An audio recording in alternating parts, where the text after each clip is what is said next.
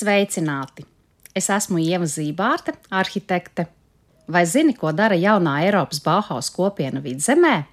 Ja esi dzirdējis citus vai zini raidījumus par jauno Eiropas Bauhaus, tad zini, ka šī Eiropas komisijas iniciatīva savieno dizainu, ilgspēju, iekļaušanu un investīcijas. Tāpat tu esi uzzinājis, ka iniciatīvā var iesaistīties ik viens. Jaunā Eiropas Bauhaus projektus var izstrādāt gan nevalstiskās organizācijas, gan universitātes, gan valsts un pašvaldību iestādes. Šajā reizē pastāstīšu par jaunā Eiropas Bauhaus kopienu vidzemē, kur divas pašvaldības kopradas ceļā meklē labāko nākotnes scenāriju divām sarežģītām teritorijām ar padomju laika apbūvi. Sāksim ar Ziemeļvidzemi un bijušo kodola raķešu bāzi Zeltiņa lūksnē. Savulaik tas bija slepens padomju laika militārais objekts, taču mūsdienās zeltiņa ir turisma gala mērķis.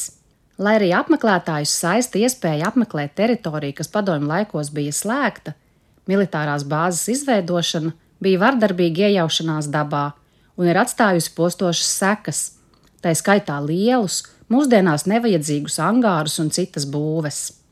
Var teikt, ka vide ir degradēta. Kā to atveseļot, kā lielajām dzelzbetona būvēm rast jaunu pielietojumu, kā teritoriju pārveidot, lai tajā kūsātu dzīvība, būtu vieta turismam un kultūrai, tiktu atjaunota saikne ar dabu un notiktu uzņēmēja darbība. Lai rastu atbildes uz šiem jautājumiem, Alūksnes novada pašvaldība piedalījās Eiropas Innovāciju un Tehnoloģiju institūta koprades projektu konkursā un saņēma tehnisko atbalstu. Deviņus mēnešus Jaunā Eiropas Bauhaus eksperti kopā ar pašvaldību un iedzīvotājiem organizēja kopredes darbnīcas, lai apkopotu visu iesaistīto pušu viedokļus un nonāktu pie idejām zeltiņu atzimšanai. Koprade ir viena no svarīgākajām jaunā Eiropas Bauhaus darba metodēm, tāpēc gandrīz visi Latvijā īstenotie projekti ir saistīti tieši ar to. Jau stāstīju, ka jaunais Eiropas Bauhaus ir jauns veids, kā mēs atjaunojam ēkas un kopienas – vai veidojam tās no jauna. Eiropas Innovāciju un Tehnoloģiju institūta kopradas projektu konkursā tehnisko atbalstu saņēma arī Cēsu novada pašvaldība ar radošo un digitālo kvartālu Rainis. Arī šī ir teritorija, kur savulaik ielauzusies padomju industriālā apbūve. Tā jāpielāgo mūsdienu funkcijām. Bijušos cēsu neredzīgo biedrības ražošanas korpusus jau vairākus gadus ir iesildījis Cēsu mākslas festivāls bet tagad šeit veidojas radošais kvartāls ar vietu izglītībai, kultūrai, tehnoloģijām un uzņēmējdarbībai.